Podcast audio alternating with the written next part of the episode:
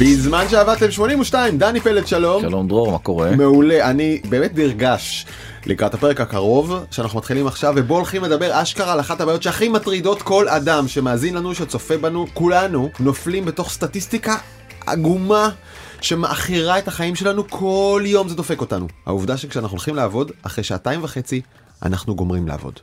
רק כשאנחנו עדיין בעבודה. אבל עבודה עצמה לעשות נגמר אחרי שעתיים וחצי חברים אי אפשר לחמוק מהסטטיסטיקה הזאת. שהיא די מפתיעה וכאילו גם נראית לא אינטואיטיבית לא נכון? אינטואיטיבית כן אתה אומר מה מה זאת אומרת אני עובד שמונה שעות ביום אז בטח אתה יודע אם תגיד לי שבשעה השביעית התעייפת אני אגיד נכון צודק לא בשעה השלישית התעייפת כבר התפוקה השולית פוחתת בצורה משמעותית. משמעותית. כן זה לא בזבוז זמן אבל זה כאילו אתה כבר נהיה ממש לא יעיל כמו שאתה יעיל בשלוש שעות הראשונות של העבודה לא, שלך. לא אחרי ארוחת הצהריים לפני ארוחת הצהריים. נכון, נכון זה די מדהים. החופשה שלך קשורה לזה איכשהו. נכון השבוע זה הרמה. אני פה לא ידעתי כן. לא יודע איך להתמודד עם העניין הזה אבל השבוע הייתי באמת חזרתי מחופשה ראשונה כן. לא יצאתי מהארץ יותר משנתיים מאז שהתחילה הקורונה הייתי לדעתי המבודד הראשון בישראל. מה אתה אומר? הגעתי למלון ואז פתאום אחרי שאתה כל הזמן גם עם מסכות וזה פתאום לך פה במלון אתה לא צריך מסכה מה זאת אומרת תוריד תוריד תוריד תוריד. כולם פה בלי מסכות. כמו חוף נודיסטים זה מרגיש נכון? וואו זה כאילו אתה מסתובב ערום. ערום וראייה כאילו ממש אתה אבל זה מסתובב הקוד מה תעשה? להיות בחופש אמיתי. זה מרגיש כל כך נכון. וכל השנתיים האלה של הבלגן הזה של כאילו אנחנו בחופש אנחנו בעבודה אנחנו עובדים מהבית אנחנו עובדים מהמשרד אנחנו. פתאום נראה לי כל כך כזה קשקוש מקושקש. זה אתה מתפטר? לא מתפטר ולא זה אבל אני רק אומר שזה החופשה כחופשה ממש כיחידה כן. היא נורא נורא נורא נורא חשובה ואז כאילו בעצם חשבתי על כל המודלים האלה של העבודה מהבית והעניין ההיברידי והדרמות שקורות כרגע בעולם. ואני חושב שהאנושות עדיין לא מצאה את הפתרון אה, איך לנהל באמת אה, חיים של משפחה. להשאיר מספיק זמן גם לעיסוקים הפרטיים גם להגשמה עצמית וגם באמת לפיתוח הקריירה. אנחנו ננסה לגזור כמה תובנות ושיעורים שנלמדו בעולם על ידי חוקרים שנתנו תשומת לב לעניין הזה סביב הקורונה, נכון. שנותן לנו הזדמנות להתבוננות מחודשת. יפה בוא נתחיל דווקא מנתון שאנחנו כל הזמן בעצם בשנה האחרונה מדברים עליו ממנו. כן על, על העניין של ה- קראו לזה ההתפטרות הגדולה דיברנו על כל השיאים שנשברים חודש אחר חודש אחר חודש אז השנה סוכמה. ובעצם נתונים רשמיים הגיעו מארצות הברית זו הייתה השנה שהכי הרבה עובדים התפטרו בה בהיסטוריה של ארצות הברית קרוב ל-50 מיליון עובדים 47.4 מיליון עובדים התפטרו באמריקה במהלך 2021 זה מספר באמת אי אי אפשר בכלל להסביר אותו. אפשר להסביר אותו. אנחנו מעריכים שזה בערך רבע מ... בין רבע לשליש, wanna כן. כן. מכוח ל- העבודה, מכוח. העבודה בארצות הברית. תחשבו שאתם במקום עבודה ועובדים סביבכם כזה עשרה אנשים הקרובים אליכם, שליש מהם, שניים שלושה אנשים חייבים ללכת, כאילו במהלך שנה, זה מטורף. זה לא נורמלי הרבה עזבו ולא חזרו. אה, דווקא ניתוח שראיתי מאוד מאוד מעניין שעשו ב-CNN אה, ניסו להסביר מהן הסיבות אז רק נמנה אותם ונבין איזה עולם. שבעצם מתהפך על הראש ואנחנו עכשיו מנסים להחזיר את עצמנו חזרה למסילה וחזרה כן. לפסיב וחזרה לנורמליות אבל הרבה דברים עדיין אין להם פתרון. נקודה ראשונה זה שבאמת אין פתרון לילדים. האם הכוונה באין פתרון קורונה טיים או אין פתרון בכלל? יפה וזו שאלה מאוד מאוד מאוד טובה כי בעצם הטענה הגדולה היא שבעצם בגלל ההתפטרות הגדולה שעכשיו הזכרנו אותה יש גם מעט מאוד אה, מטפלות. המטפלות האלה גובות עוד פעם עקומת אה, ביקוש והיצע קלאסית גובות סכום הרבה הרבה יותר גבוה תמורת השירותים שלהם. האימהות נדבר למה זה אימהות עוד שנייה אבל האימהות בדרך כלל עושות את התחשיב הזה אוקיי אז מה עדיף לי לשלם 80% מה, או 100% מהשכר שלי עכשיו למטפלת ולהגשים את עצמי או להיות אה, אימא מסורה ולטפל בילדים. כן. והרבה בוחרות באופציה השנייה. הנתון הזה הוא, הוא נתון מאוד מאוד מדכא כי נשים הסיבה השנייה מבחינתן אה, להתפטר זה כדי אה, לטפל לטפל בילדים. בילדים וגברים זה הסיבה האחרונה. מה זה אומר על, על ההורים על האבות השבוע שעבר היה יום האישה הבינלאומי הרבה מאוד פוסטים על העניין הזה אבל בוא זה לא באמת אה, לא זוכר איפה ראיתי את זה, אוקיי נגמר יום האישה, אתה יכול, אתם יכולים לחזור לא לכבד אותי ואת הזכויות שלי. כן כאישה כמובן אבל אני חושב שכן אני מבין אישה שאומרת או זוג משק בית שאומר אוקיי המטפלת עולה עשרת אלפים שקל. סתם האישה מרוויחה ולצערנו זאת האישה כי אלה פערי השכר בחברה השכר הממוצע בישראל הוא פחות מעשרת אלפים שקל אם אישה מרוויחה פחות מזה היא אומרת אוקיי שקל מול שקל אני צריכה להישאר בבית. אבל זו טעות כלכלית שהרבה נשים עושות. לבחור להסתכל על השקל בסוף החודש, כי ההשלכה של זה, כמות הכסף שאת הולכת ומשק הבית שלכם יפסיד במשך כל 30-40 שעות הקריירה, ייפגע לאין ארוך יותר מהנזק הזה שאת עושה בזה ששנה, שנתיים, שלוש תעדרי עכשיו משוק העבודה. את לא מתקדמת, את לא מרוויחה, וכשתחזרי, את כבר בדיליי מכולם, ואת הולכת לשלם את זה עכשיו כל החיים עד הפנסיה וכולל. ו- ולא שאני טוען שיש ברירה, אגב, אני לא רוצה להיות שיפוטי, סליחה, אני, אני אגיד את זה אחרת. ההפסד שלך כאישה מזה שאת לא הולכת לעבוד עלול להיות גדול בהרבה מזה שכן תלכי לעבוד ותצאי במינוס 500 שקל בחודש. נכון השכר הממוצע הוא טיפה יותר הוא 11,000 שקלים 11? אבל אה, נכון, נכון. אתה צודק בסוף הן מרוויחות פחות כי נשים לוקחות את אחוזי משרה בדרך כלל יותר נמוכים ואז הן לא מגיעות אפילו לעשרת אלפים שקלים ומטפלת אה, עולה 7,000 8,000 שקל בחודש אנחנו מביאים מטפלת היום בשביל בתנו בת השלושה חודשים כדי שנוכל לצאת לעבוד. למה זה לא הצעה מוכרת? זה מעצבן אני מייצר הרבה יותר בזכות זה. אתם, מדינת ישראל מרוויחה מיסים על חשבון זה, למה זה לא הצעה מוכרת? אוקיי. כי אפשר אתה מבין אבל אפשר. אה, אז זה בעיה ראשונה בעיה שנייה בארצות הברית אה, בעיה דומה בהרבה מאוד מדינות אחרות זה שאין הגירה. דונלד טראמפ עצר את ההגירה באופן מוחלט וכל המשרות ה- בדרך כלל המשרות הפשוטות שאותן המהגרים אה, תופסים נגיד למשל חקלאות 13% מכלל האוכלוסייה האמריקאית זה מהגרים 73% מעובדי החקלאות? מעובדי החקלאות הם מהגרים כן. יש ירידה קטנטנה באחוז ההגירה אין מי שבעצם יקטוף. אבוקדו בשדות. אה, ואנחנו מסתכלים על ארה"ב כאינדיקציה גם לישראל כמובן. הדבר השלישי זה מענקים של אה, של הממשלה אותו סיפור כמו בישראל. שאנשים אה, אומרים לעצמם אוקיי יש לי כסף אני לא יכול לעבוד בעצם. כן המענקים האלה הגיעו לעד 70 אלף דולר במהלך הקורונה זה אמנם חד פעמי ולכן לא ברור כמה השפעה של זה תהיה לטווח ארוך אבל עדיין יש מישהו נופל עליו 70 אלף דולר אלה שמקבלים 70 אלף דולר אני מניח זה אלה שממילא עבדו קשה והרוויחו הרבה והפסידו הרבה בקורונה. לא בהכרח זה לא? כמות ילדים. ו- אה באמת? אה, אוקיי כלומר אתה בהחלט יכול להיות אדם שאומר אוקיי יאללה ביי אני אחיה מזה עד שזה ייגמר. נכון אוקיי. אז זו הסיבה הנוספת והסיבה האחרונה שגם עליה דיברנו לא מעט בפרקים אחרונים שהפרישה אה, שוברת אה, שיאים. מעל 50% מהקבוצה הזאת של ה baby boomers פרשו במהלך השנה האחרונה. אני לא יכול לראות בזה חדשות טובות כן? למה? לכל העולם. תשמע אם אנשים מגיע- מגיעים למסקנה מרצון פורשים לא מאונס מרצון. יש לי מספיק כסף אני יכול לא לעבוד עליי ליהנות מהזמן שלי. לפנות מקום עבודה למישהו צעיר וללכת לבזבז זמן על חיים טובים ואתה יודע מסעדות טיסות לפרנס כלכלה אחרת מדהים כולם הרוויחו לא? יפה. אז א' חסרים עובדים אין מה לעשות. זה מייצר אה, מצוקה גדולה בשוק העבודה.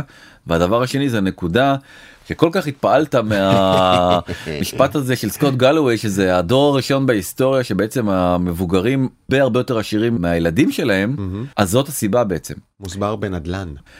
מה יש למבוגרים בדרך כלל? בית. נכון מה אין לצעירים. את אותו בית בדיוק. נכון עכשיו אם המחיר של הבית הזה הגיע לשיא של כל הזמנים במהלך 2021 אז ה... אלה שיש להם בית שהם בדרך כלל ה baby boomers נהיו מאוד מאוד מאוד מאוד עשירים. רק בשנה האחרונה הערך של הבית שלהם עלה ב-20 אחוזים. זאת אומרת אם הבית היה שווה נגיד מיליון דולר עוד 200 אלף דולר נוספו להם לאושר שלהם. לעומת זאת מי שרוצה לקנות בית יתרחק עוד 200 אלף דולר מדירה. זה דרמטי מאוד ולכן זה מייצר פערים בלתי נסבלים. כן. מהצד השני באות חברות ה tech ואומרות אוקיי אומיקרון כולם נדבקו אחלה באחלה הגיע הזמן לחזור לשגרה ובוא נחזור חזרה למשרדים וכל חברות ההייטק כולל טוויטר הקצת עלובים שאמרו שלעולם הם לא יחזרו למשרדים אתה זוכר את האמירה הזאת שלהם indefinitely הייתה המילה. כן בדיוק אז ה indefinitely הזה ישתנה לתאריך הכי קרוב מכל חברות כן. ההייטק ומה-15 למרץ חוזרים חזרה למשרדים. פייסבוק מטא איך שלא קוראים להם יחזרו ב-28 למרץ גוגל שבוע אחרי זה ברביעי לאפריל ואפל האחרונה כי שם גם היו הכי הרבה מחאות ב-11 לאפריל כולם חוזרים למשרדים דדליין כאילו אם לא. אם אתם לא חוזרים אתם לא יכולים לא חוזרים לאפל. זה כאילו העניין. אתה יודע אנשים מסתכלים ואומרים איך הם עושים את זה ביחד? בטח יש לזה סיבה טובה. וצריך להסביר. יש כאן לגמרי לחץ חברתי ותנועת העדר. כל אחד מסתכל הצידה לחברים שלו ואומר אה, אוקיי אה, טוויטר חזרו גייז we need to go back to. זה לגמרי משפיע. כלומר בטח שיש עוד פרמטרים והדבקה וה-R וזה שעוד נראה מה קורה איתו אבל יש כאן לגמרי כל אחד מסתכל על השני ומושפעים זה מזה. הנה, ואומר אה, טים קוק עבור רבים מכם אני מבין שהחזרה למשרד מהווה נקודת ציון שחיכיתם לה ואינדיקציה לכך ששוב נוכל לעבוד באופן נרחב עם הקולגות שלנו זה תפקיד כל כך חשוב בחיינו עבור אחרים זה עשוי להיות שינוי מטריד. ואז אומר מנכ"ל אפל אני רוצה שתדעו שאנחנו מחויבים מאוד לתת לכם את התמיכה והגמישות הדרושים לכם בשלב הבא התחייבות שמתחילה עם ההשקה הדרגתית של הפיילוט ההיברידי שלנו עבודה גם מרחוק וגם מהבית וכוללת אפשרות לעבוד מרחוק עד ארבעה שבועות מדי שנה.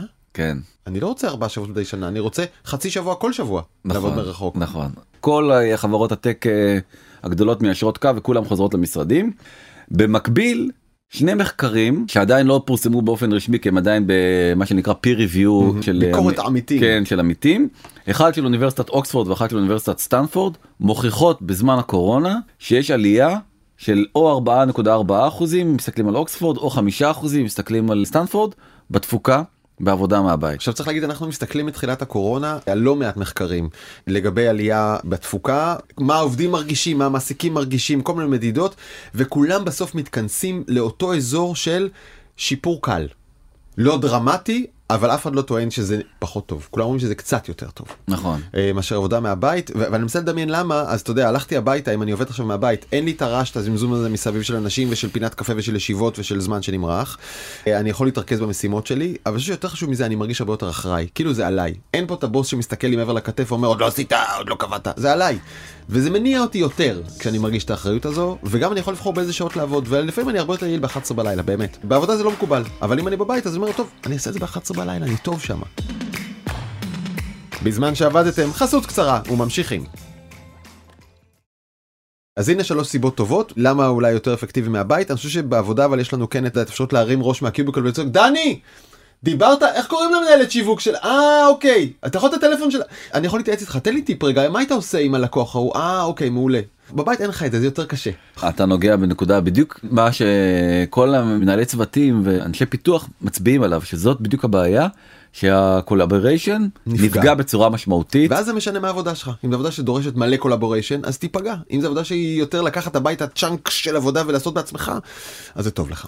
עובדים לא רוצים לחזור חזרה למשרד בצורה חד משמעית. מחקר, למה? יפה. מחקר שהתפרסם ממש עכשיו בפברואר על ידי פיור ריסרצ' זה גוף אה, ממשלתי ממומן על ידי כספי ממשלה לא מוטה ולא שום דבר אומר כזה דבר אם במחקר האחרון שהם אה, עשו באוקטובר אה, 20 לפני שנתיים הסיבה העיקרית הייתה כאילו פחדו מאוד מהקורונה אז עכשיו לא פוחדים כל כך מהקורונה אבל פשוט מעדיפים לעבוד מהבית נקודה. זה מה שאנחנו רוצים אה, לעשות והסיבה העיקרית היא שזה משפר לאין ארוך את הבלנס הזה בין עבודה לחיים אה, אישיים 64 אחוז אומרים שזאת הסיבה העיקרית. זה אה, לא רמאות? רמאות למה? שאתה מרמה את עצמך כי כשאתה בעבודה ובבית אז כאילו יש לפחות איזה חוצץ אתה מבין הבלנס נשמר במובן הזה שאני יודע איפה אני עובד ואני יודע איפה אני ביום איפה אני לא עובד וכשאני עובד מהבית הרבה אנשים אומרים זה מתמסמס לי אני כל הזמן קצת עובד וקצת עם הילדים וקצת בעניינים וקצת מטפל בבית אז למה הם רוצים את זה? בגלל זה אני שואל אם זה לא רמאות אם בעוד שנתיים אנשים אתה יודע ירגישו כבר על עצמם שאתה בעצם לא בחופש אתה כל הזמן במקום העבודה שלך אתה לא יוצא ממנו. זה שאלה טובה אבל אה, כרגע רוב האנשים התחושה שלהם זה אוקיי. שיותר כיף להם לעבוד מהבית. זאת גם אומרת, אני- אני באופן ככה. אה, משמעותי. כן. אבל אתה שואל את עצמך כל מיני שאלות באמת יותר עמוקות אז לאן כל הדבר הזה הדבר הזה. כאילו מתכנס ולאן הוא הולך כאילו בעצם מאיפה ממשיכים אה, מכאן ונחבר שוב את המסקנות העיקריות שדיברנו עליהן. אחת, אנשים עדיף לעבוד מהבית. שתיים, אחרי שעתיים, שלוש, ארבע של עבודה אתה כבר הרבה פחות יעיל. שלוש, אין לי פתרון לילדים. אוקיי, לאן זה מתכנס? לארבעה ימי עבודה בשבוע.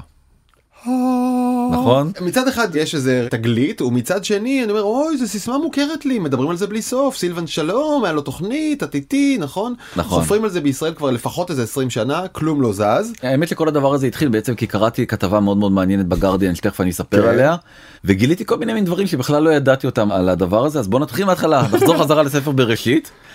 בפרק ב' ויברך אלוהים את יום השביעי ויקדש אותו, כי בו שבת מכל מלאכתו אשר ברא אלוהים לעשות. שבת בשביעי, רוצה לומר, שישה ימים, תעבוד. נכון אפילו אני זוכר שההורים שלנו גם כן עבדו בימי אה, שישי וזה לא היה כל כך מזמן נכון, יום שישי יום קצר. נכון היה יום קצר ועבדו ביום שישי ומסתבר שכל החמישה ימי עבודה הזה האלה זה רעיון ממש ממש ממש חדש. כמה חדש? 100 שנה. ב-1916 תעשיין צעיר בשם הנרי פורד אמר רגע זה לא כל כך הגיוני העניין הזה של השישה ימי עבודה. אני רציתי להתפעל מההומניות של התעשיין האמריקאי הכל כך חשוב הזה, הנרי פורד, כן, האוטו פורד זה שלו, שאמר שישה ימים שוחק אנשים, מנצל אותם, צריך לתת להם רווחה, בואו נתחשב בעובדים ונשלח אותם ביום שישי, כלומר שבת וראשון באמריקאית, הביתה. נכון. כל כך מתחשב. ומה הוא עשה בשבת וראשון? שלח אותם לחנויות של פורד שיקנו עוד מכוניות. כי כשלאנשים אין זמן פנאי, הם לא נוסעים לטייל, לא נוסעים לטייל, לא קונים אוטו. תן להם פנאי, ילכו לטייל, יקנו אוטו, והנרי פורד יתעשר.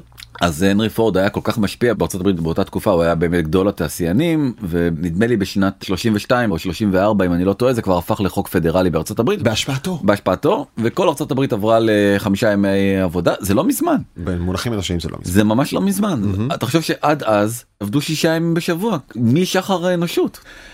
הלכתי ונכנסתי לאתר OECD OECD תודה. ושם לקחתי כמה מדינות אקראיות ביניהן באורח פלא גם ישראל הברית קנדה איטליה יפן, צרפת צרפת. יפן. מי מקום ראשון מכל המדינות האלה שעכשיו מניתי בכמות שעות עבודה שנתיות בכמות שעות עבודה שנתיות אתם חברים יקרים מאזינים וצופים מאזינות וצופות אנחנו מקום ראשון בעולם בכמות השעות 1780 שעות עבודה בשנה. נכון. יפה מאוד ועכשיו בוא נשווה את זה לפרודוקטיביות.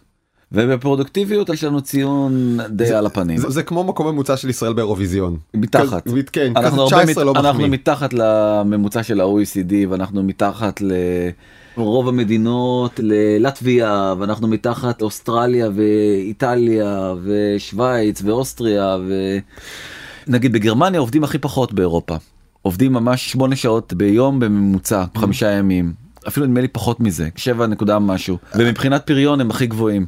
זאת אומרת שהם כן מבינים משהו שאנחנו פה בישראל אה, בדיוק. ממש ממש לא מבינים מה זה אנחנו נכשלים בו לגמרי זה כאילו נראה שאם אנשים נמצאים 10 שעות במשרד תג של כבוד. כן בדיוק בואנה זה עובד עד 10 בלילה. אתה יודע האמת זה מזכיר לי את העשר שנים הראשונות שלי כעיתונאי במעריב. שמע וואלה הייתי נותן בכיף 15 שעות ביום. מגיע לעבודה ב-9-10 ונשאר עד חצות אמיתי כמעט כל יום והייתי בטוח שאני עובד מלא. והיום אני קולט איזה בזבוז זמן אטומי זה היה אם הייתי חותך הביתה ב-6 מתקלח הולך להופעה או משהו הייתי לא פחות יעיל אבל נכנסתי ללופ שאתה דוחה יותר, ודוחה היית, ודוחה. היית הרבה יותר יעיל כי היית פחות נשרף כי זה בעצם עשר שנים הייתי בברנאוט ממש. זה פשוט ככה זה החלק מהעניין ובעצם אולי הפתרון זה לעבור לארבעה ימי עבודה. רגע רק צריך להגיד שנייה על הגרף הקודם של הפריון אחד הדברים האלה זה קצת ביצה ותרנגולת בגלל שהפריון שלך נמוך אתה מרגיש שאתה צריך יותר שעות במשרד ואז הפריון שלך יורד עוד יותר וככה מחר זה בעצם הברנאוט נכון. ברמה הכלכלית ושתיים זה שהישראלי מייצר פחות בכל שעת עבודה שלו מלוקסמבורגי בואנה לוקסמבורגי מייצר יותר מכפול מאיתנו לכל שעת עבודה זה קשור בזה שיש פחות טכנולוגיות במקום העבודה והבירוקרטיה מסרבלת והחינוך לפעמים פחות איכותי במובנים מסוימים אתה משלם על זה בעוד שעות עבודה לא פרודוקטיביות וסגנון החיים שלך נדפק הכל יותר גרוע אין מה להגיד. יפה אז אולי אוקיי. בעצם הפתרון זה לעבור לארבעה ימי עבודה בשבוע. ההנרי פורד של אה, דורנו זה בחור בשם אנדרו ברנס כן. וזאת הכתבה שקראתי בגרדיאן ואני ממש ממליץ לכולכם לקרוא אותה. The New Zealander trying to revolutionize the working week, it's a rational business decision. תגגלו את זה, תמצאו את הכתבה. נכון ומה הוא בעצם מנסה להגיד הוא קרא מאמר באקונומיסט שפוצץ לו את הראש שכותרתו Why it pays to work less, משתלם לעבוד פחות. באקונומיסט שזה העיתון הכי- אולי כן. הכי, כן, הכי קפיטליסטי ומעודד פריון למה צריך לעבוד פחות.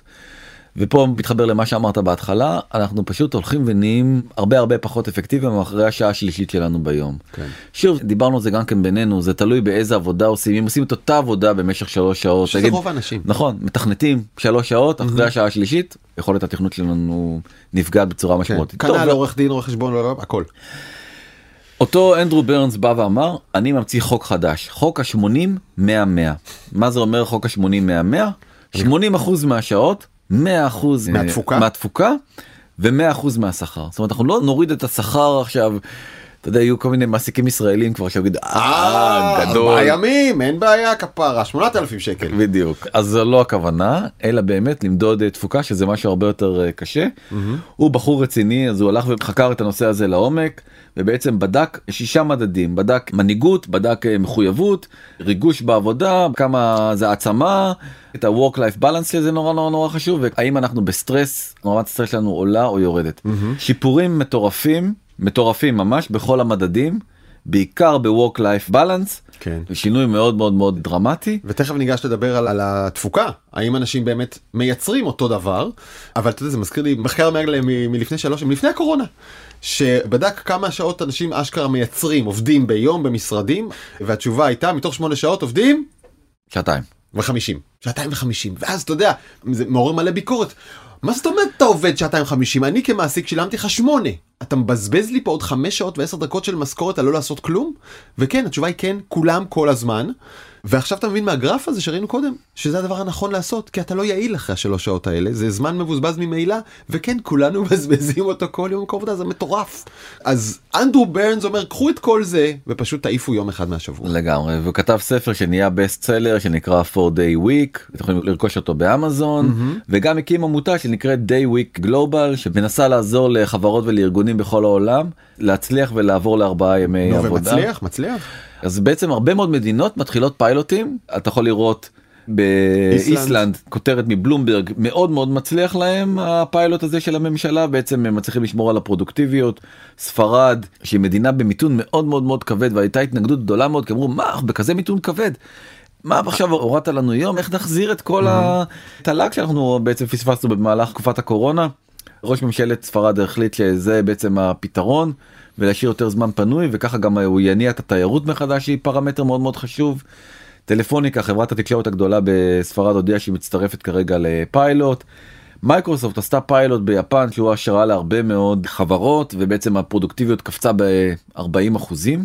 מדהים. הורד, קולטים, הורדנו יום עבודה, הפרודוקטיביות קפצה. אנדרו ברנס כמובן השפיע על יוניליבר בניו זילנד. בניו זילנד וגם שם ניו זילנד עברו לארבעה ימי עבודה. ושאנחנו כרגע- מדגישים. ארבעה ימים תמורת שכר רגיל של חמישה ימים. עובד להם כרגע מצוין. איחוד האמירויות זה גם מדהים כמה הם מתקדמים. הם כבר החליטו סופית כאילו זה לא פיילוט ולא כלום. אנחנו עוברים לארבעה וחצי ימי עבודה. יום שישי בצהריים סוגרים את הבסטה ועד יום שני לא חוזרים לעבודה. מדהים. ממש. בלגיה לפני שבועיים הודיעה גם כן שהיא מצטרפת ובעצם מעסיקים יוכלו לבחור בנקודה הזאת. הרבה מאוד מהמאזינים שלנו הם אה, אנשי הייטק אז בטח שואלים אוקיי אבל אתה מדבר על חברות ממשלתיות איך זה עובד בהייטק כל היופי הזה? אז אני רוצה לתת דוגמה של בחור שנקרא ג'ואל גסקוין שהוא מנכ"ל חברת Buffer Buffer זה בעצם סט אה, כלים ושירותים של social לארגונים קטנים. אתה יכול לנהל את כל ה social שלך באמצעותם. אוקיי. הם כבר שנתיים נמצאים בפיילוט עם הסיפור הזה ויש להם בלוג עם כל הנתונים. זה ממש וואו. מדהים. אה, אפשר להיכנס לאתר של Buffer ל Buffer blog ולקרוא מלא מלא מלא data כמה highlights בעצם 91 אחוז. זה כמעט כולם. כן. מהצוות מאושרים ופרודוקטיביים יותר. התשעה אחוז המררים האלה שלא משנה מה תעשה הם לא מרוצים. נכון. אה, 73 אחוז מהצוות עובדים רק אה, ארבעה ימים זאת אומרת יש עדיין חלק מהצוות נגיד אה, customer support זה לא מתאים תמיד לכל העובדים אבל אה, רובם מעדיפים את זה ול-84 אחוז. ארבעה ימים מספיקים לבצע את כל המשימות זה אולי הדבר הכי הכי מדהים בסיפור הזה בדיוק, זה דבר שצריך להגיד עוד פעם. פשוט תגיד את זה עוד פעם. 84 אחוז מהעובדים בצוות אמרו שהם מספיקים את כל המשימות שלהם בארבעה ימים. אתם קולטים כמה שעות בוזבזות היו עד עכשיו? זה לא נורא. אבל כן, לבכות על השעות שעות ואתה שואל. את עצמך רגע אם הנרי פורד הבין את זה כבר לפני 100 שנה כשזה בעצם הדבר שצריך לעשות והטכנולוגיה כל כך התקדמה וכל כך הרבה פעולות שאי אפשר היה לעשות אז אז היום שאנחנו כולנו מוקפים בטכנולוגיה וכל כך הרבה אוטומציה אולי הדבר הנכון בשביל שנחיה יותר טוב ובשביל שנרגיש יותר טוב עם עצמנו לעבור לארבעה ימי עבודה.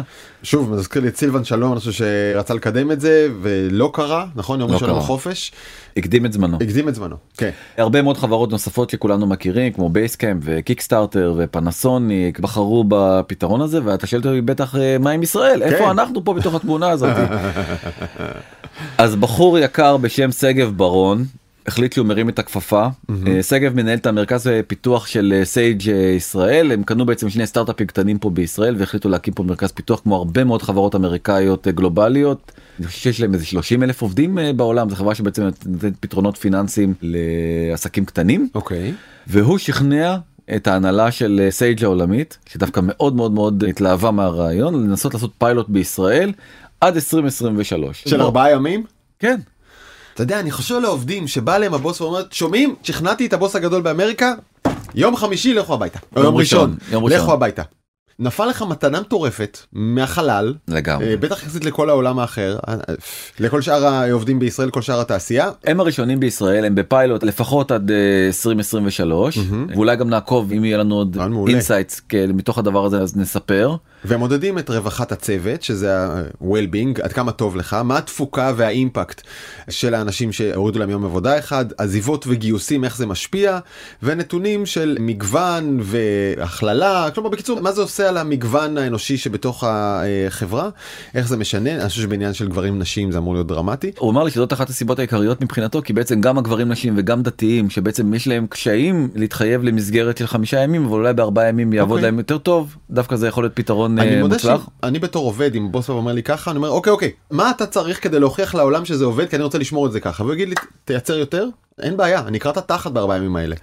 אבל זה רק בזמן הניסוי, נכון, אחר כך אני אחזור לזה. אז זה באמת כן, כל הרעיון הוא בעצם לחזק את התרבות הארגונית אצלם ולייצר אימפקט uh, דליברי, זאת אומרת שלא באמת יהיו שעות כאלה של דילברט כזה שיושב במשרד ולא עושה שום דבר. ועכשיו צריך להודות שיש כאן שאלה שעדיין קצת מעסיקה אותנו וזה אם הבן אדם נהיה לא פרודוקטיבי בשעה הרביעית חמישית אז אולי מה שצריך להוריד זה לא יום עבודה בשבוע אלא את השלוש ארבע שעות האחרונות בכל יום. בחמישה ימים. כלומר לעבוד חמישה ימים אבל רק יום קצר עד שתיים, רק את השעות הפרודוקטיביות ולא ארבעה ימים מלאים שכוללים גם שעות לא פרודוקטיביות. ניסינו לחפש קצת פתרונות.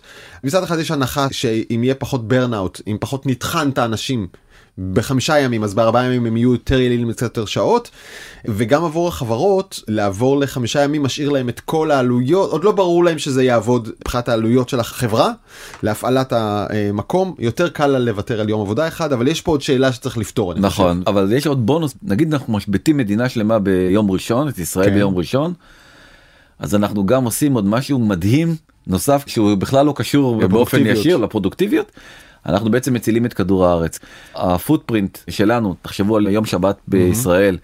אין מכוניות כמעט על הכבישים למרות כן. שאנחנו יוצאים לטייל וזה אחלה אנחנו עדיין בטבע ואנחנו עדיין אה, כן. רוב הזמן אה, מבלים בהליכה ואולי יש בעצם איזה שעה של אה, פקקים חזרה למרכז אבל בעצם המפעלים דוממים ואנחנו בעצם מצילים את כדור הארץ ונותנים לו עוד עוד כמה שנים של גרייס עד שהסיפור כן, ייגמר פה עד שזה ייגמר הדבר הזה. אני חושב עוד פעם על הגרף שהראינו כאן קודם עם שעות העבודה בישראל לעומת העולם ואני האמת שאני מתחיל להיות זועם.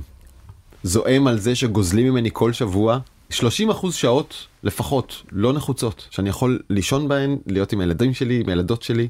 אני חושב שזה קונספט מאוד מאוד מאוד רדיקלי עוד פעם עוד אין מספיק מידע בשביל להבין כמה טוב זה עובד אני חושב שזה שאנחנו מתחילים לראות יותר ויותר מידע וזה שיותר ויותר חברות הייטק כן. שיודעות למדוד הכי טוב מכל הארגונים את התפוקה. נכון. נכנסות לזה זה רק אינדיקציה טובה ואני ויש גם שאלה אל פרילנסרים שאני לצורך העניין כזה היום העבודה שלי מאוד מגוון אני עושה כל מיני דברים שונים ואני כן מרגיש אם אני מתחיל הרצאה בשמונה וחצי בערב שאני רענן ואני יכול לתת אותה אתה אמרת זה עניין של המשימות שמשתנות נכון וזה נורא משנה איך היום שלך נראה יש אנשים שכן יכולים לעבוד 12 שעות או 15 שעות ביממה ואגב גם אם אני יכול אני לא יודע אם אני רוצה אבל כן. זה מה שקורה כרגע. לא אבל זה גם ברור שזה לא מתאים לכולם אבל רוב האנשים באים ועושים עבודה משרדית משעה מסוימת עד שעה אחרת זה רוב כן. התושבים של כדור הארץ אין מה לעשות ולכן לרוב העולם זה קונספט שיכול להתאים mm-hmm.